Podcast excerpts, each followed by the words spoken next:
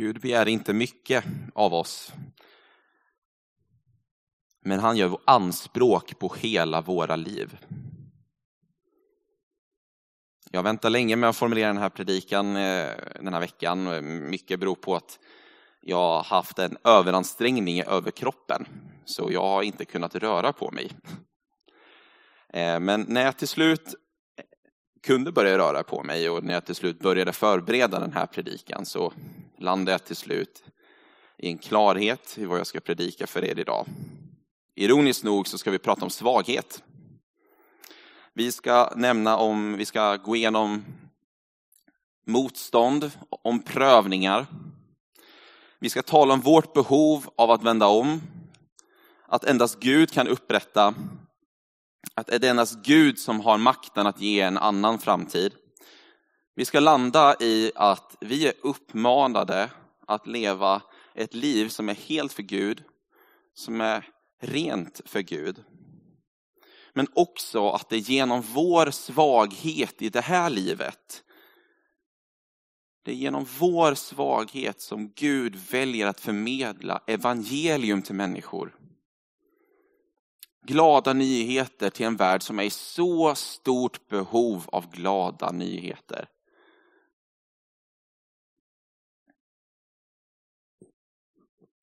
Och när vi möter motstånd, när vi möter vår brist, när vi inser vår brist, när vi inser vårt behov av Gud, så ska vi fortsätta resa oss igen. För det är då som evangeliet lyser som allra starkast.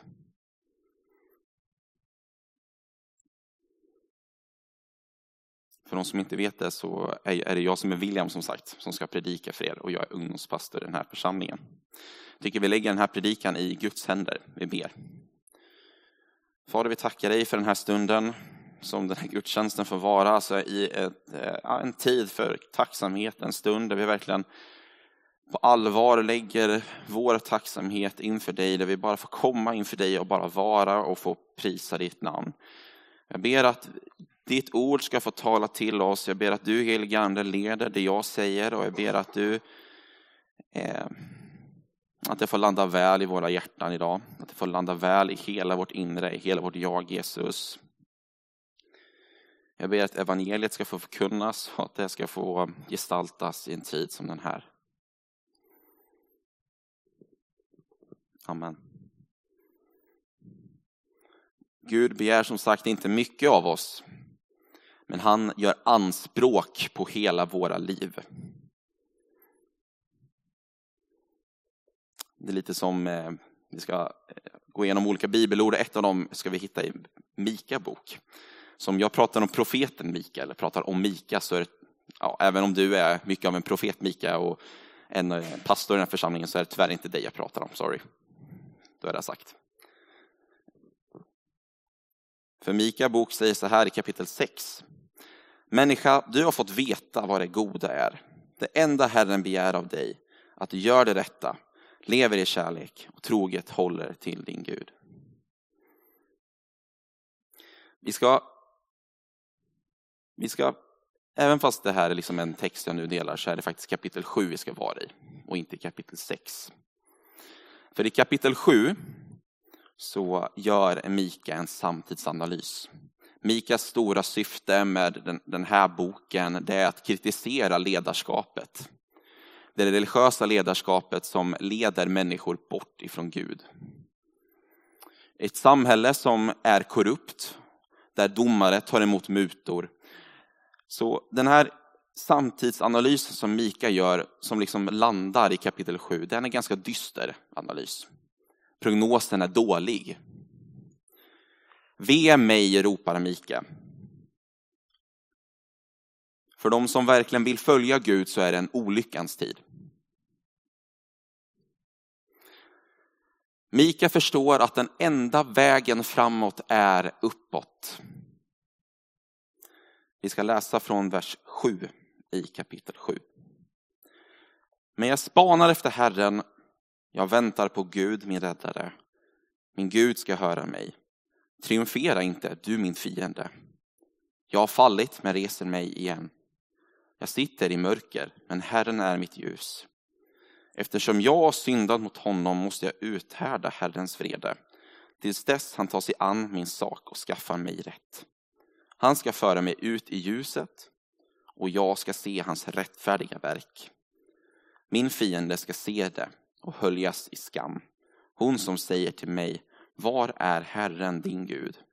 Jag ska se, jag ska se på hur hon trampas ner som smuts på gatan. Vi ska gå igenom vers för vers. För vad jag tror vi Mika vill förmedla med den här passagen.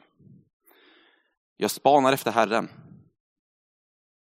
Enda vägen framåt är att blicka uppåt. Och det är när vi ser vår brist, när vi ser våra misslyckanden, när vi inser vår svaghet. Det är liksom när vi inser att den enda lösningen framåt, det är Gud. Det är att när vi vänder oss till Gud, när vi vänder oss till Gud i bön, det är lösningen. Det är när vi, när vi väntar på Gud som är vår befriare. Och det, det är liksom för att Gud hör vår bön. Jag spanar efter Herren. I vers 8. Triumfera inte du min fiende. Jag har fallit men reser mig igen. Synd i det här fallet är fienden. Synd ska inte ha makten i våra liv. Gör vi en kristologisk läsning, gör vi en Jesusläsning av det här så vet vi ju att Jesus besegrar syndens udd, nämligen döden på korset. Och vi vet att han har berett en ny väg för oss genom uppståndelsen. Men i detta liv, i det livet som vi lever just nu, så brottas vi fortfarande med synd. Går vi laget runt så är det allt så är det, tro, alltså det är garanterat någon, alltså alla här inne brottas med någonting. Alla här inne möter någon form av prövning, någon form av motstånd, en brist i sina liv. Besegras inte av det här. Låt den här bönen få vara att triumfera inte. Vänd oss, när vi vänder oss till Gud och ber den här bönen så gör motstånd. Jag faller, men jag reser mig igen. Inse att i oss själva så är det ganska hopplöst. Jag sitter i mörker, säger profeten Mika, men Herren är mitt ljus. Herren är ett robust hopp för den här tiden. Vi går vidare. Eftersom jag syndat mot honom måste jag uthärda hans vrede tills dess att han tar sig an min sak och skaffar mig rätt. Synd och konsekvenser. Det om något fick Mika uppleva i sin samtid. Det var korruption. Det var mutor. Det var orättvisor. Fattiga exploaterades i realtid. Vi kan ibland också behöva se konsekvensen av vår synd innan vi blir upprättade. Om vi vet om att vi har gjort någon besviken och det är vårt fel, kan vi ibland behöva uthärda liksom så här, skammen och besvikelsen över det. Innan det är läge att bli upprättade, innan det är läget för den relationen att bli hel igen. Eller om vi vet om att vi har brustit i vår karaktär, kanske att vi har ljugit mot en annan människa, ja men då får vi leva med att, att under den tiden, under den stunden så får vi uthärda besvikelsen över vårt agerande. Inse vår brist för ett ögonblick. Innan vi får se hur Gud upprättar oss. Innan vi får se Guds verk som är upprättelse, som är nåd. Som texten påminner oss att vi ska få se hans rättfärdiga verk. Vi kommer få se hur nåd och barmhärtighet gör allt nytt. Och gör vi återigen en kristologisk läsning, gör vi en väldigt Jesusfokuserad läsning så märker vi och vi kommer få se hur Jesus besegrar synden. Och en gång för alla i framtiden så kommer vi få se hur Jesus kommer tillbaka. Vår framtidsbild är att synden en gång för alla ska besegras. Att lidandet tar slut.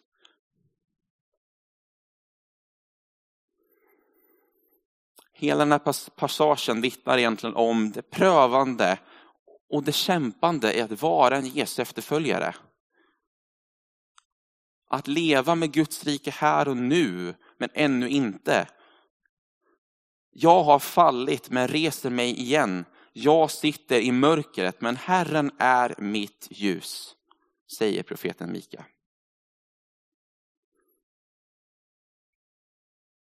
Går vi vidare för ett ögonblick är ett liv i Kristi efterföljd inte välgång och framgång. Det är nämligen synden som är problemet. Att vi liksom faller kort om Guds syfte med skapelsen. Att vi ibland faller kort om det Gud vill med våra liv. Att vi kanske tar den enkla vägen istället för Guds vilja.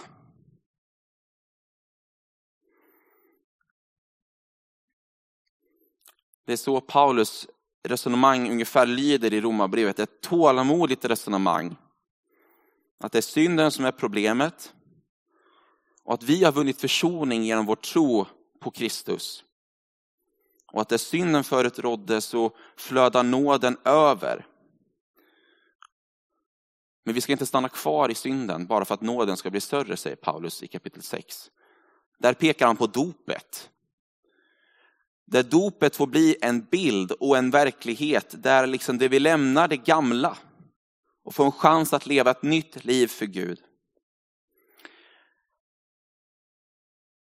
Poängen med, med dopet hos Paulus i, den här, i det här avseendet är ju att det är, det, att, det är liksom, att det är ett liv med Gud som är motivet och målet med våra liv. Han fortsätter i sitt resonemang genom att resonera så här att förut så var vi slavar under synd. Det gav usel frukt, det gav usla konsekvenser. Igen, se på Mikas samtid. Där kan vi på allvar faktiskt se vad, vad, vad synd leder till.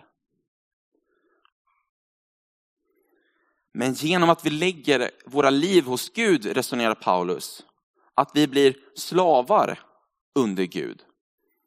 Han, använder, han medger själv att han använder en mänsklig bild. Men genom att vi lägger våra liv hos Gud och har vår yttersta lojalitet hos honom, då vinner vi helighet. Då vinner vi evigt liv. Det ger god frukt, det ger goda konsekvenser. Vi ska läsa hans resonemang i Romarbrevet kapitel 6. Från vers 16. Ni vet ju att om ni gör er till slavar under någon och lyder honom, då är ni slavar under den ni lyder, antingen under synden, vilket för till döden, eller under den lydnad som för till rättfärdighet. Men Gud var det tack. Ni var slavar under synden, men valde av hela ert hjärta lyda den lära som ni blivit införda i. Och när ni då gjordes fria från synden blev ni slavar under rättfärdigheten. Jag väljer en mänsklig bild med tanke på er mänskliga otillräcklighet.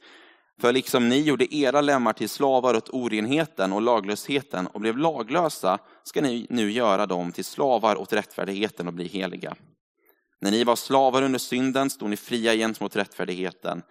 Vad gav det för frukt? Sådant som ni nu känner skam över därför att det till slut leder till döden. Nu däremot, när ni blivit fria från synden men är slavar under Gud, blir frukten ni skördar helighet och till slut evigt liv. Syndens lön är döden, men Guds gåva är evigt liv i Kristus Jesus, vår Herre. Poängen är att vi behöver evangelium. Poängen är att vi behöver lägga våra liv i Guds händer. Att fastän vi har förklarats fria inför Gud, rättfärdiga inför Gud genom vår tro, så fortsätter vi brottas med synd. Det är tyvärr så verkligheten ser ut. Men evangeliet är ett robust hopp som gäller alla. Paulus resonerar i sitt brev till Timoteus, första Timoteusbrevet kapitel 1, vers 15. Detta är ett ord att lita på och värt att helt ta till sig. Kristus Jesus har kommit till världen för att rädda syndare och bland dem är jag den största.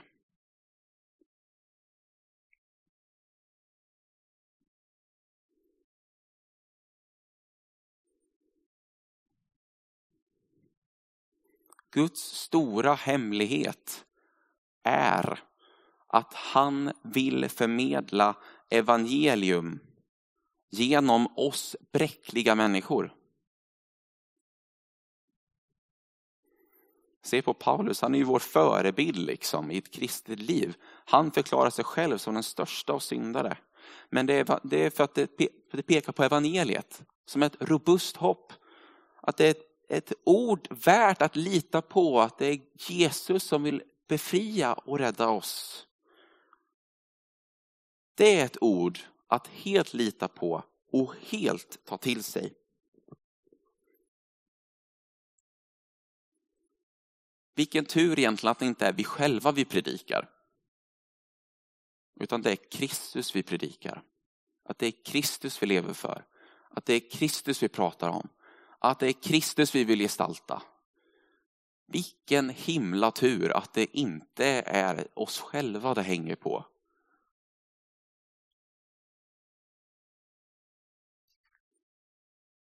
Ni går till Andra Korinthierbrevet kapitel 4. Vers, 4, eh, vers 5 och framåt. Jag förkunnar inte mig själv, säger Paulus, utan Jesus Kristus. Han är vår Herre och jag är er tjänare för Jesus skull. Ty Gud som sa, ljus ska lysa ur mörkret, har lyst upp mitt hjärta för att kunskapen om Guds härlighet som strålar från Kristi ansikte ska sprida sitt ljus. Men denna skatt har jag i lerkärl för att den väldiga kraften ska vara Guds och inte komma ifrån mig. Alltid är jag ansatt, men inte kringränd. Rådvill, men inte rådlös. Förföljd, men inte övergiven. Slagen till marken, men inte förlorad. Alltid bär jag med mig i min kropp den död som Jesus fick lida. För att också Jesu liv ska bli synligt i min kropp. Ty jag som är vid fullt liv utlämnas för Jesus skull ständigt till att dö, för att också Jesu liv ska bli synligt i min dödliga kropp. Alltså verkar döden i mig och livet i er.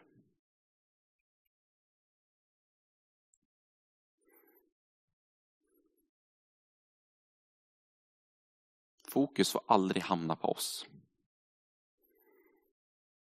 Bräcklighet är grunden för ett kristet liv. När vi inser att det är vi som är ett lerkärl. Någonting som är ömtåligt, någonting som är någonting som, är, liksom, någonting som är ömtåligt, någonting som är bräckligt, någonting som är svagt.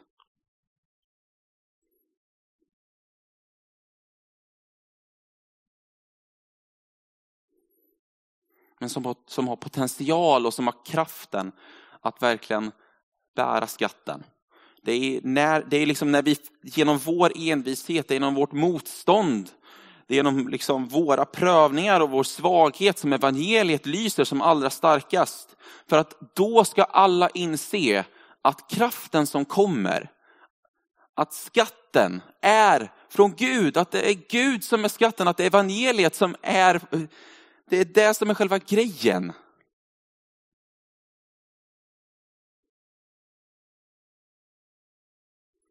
Vi uthärdar vår svaghet. Vi genomgår prövningar. Vi genomgår motstånd. Så att nåden når ut till allt fler. Så att alla ska se att det är så att alla ska se att kraften kommer från Gud och att nåden når allt fler och att allt fler att det hos allt fler väcks en tacksamhet hos Gud. Det är målet med ett kristet liv. Att trots vår bräcklighet, att trots vår svaghet ska vi gestalta ett liv genom Kristus.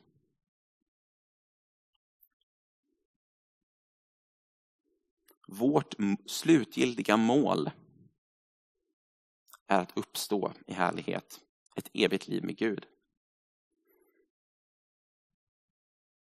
Den nya skapelsen som Uppenbarelseboken pratar om. Då är allt lidande om intet. Då är alla utmaningar över. Då är motståndet övervunnet. Prövningarna borta. Då har Gud en gång för alla besegrat fienden. Den som Mika bad om skulle försvinna. Då är den borta. Som Uppenbarelseboken 21 proklamerar. Och jag såg en ny himmel och en ny jord. Till den första himlen och den första jorden var borta. Havet fanns inte mer. Och jag såg den helige staden, den nya Jerusalem, komma ner från himlen, från Gud, redo som en brud som är smyckad för sin man. Och från tronen hörde jag ett stark, en stark röst som sa, se, Guds tält står bland människorna och han ska bo ibland dem. Och de ska vara hans folk och Gud själv ska vara hos dem. Och han ska torka alla tårar från deras ögon. Döden ska inte finnas mer och ingen sorg och ingen klagan och ingen smärta ska finnas mer. Till det som en gång var där borta. Och han som satt på tronen sa, se, jag gör allting nytt.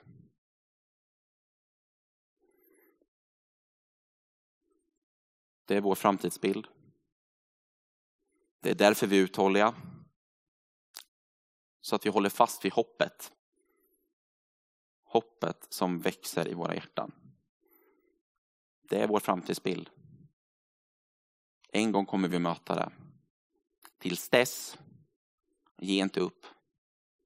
Var uthållig. Fortsätt i dina prövningar. Genomgå motståndet. Var envis. Spana efter Gud. Sök Gud. Be till Gud. Fortsätt resa dig upp när du har fallit. Var uthållig. Håll fast vid hoppet. För det är då evangeliet lyser som allra starkast. Så att alla inser att kraften kommer från Gud. Så att alla ser att ljuset kommer ifrån Gud.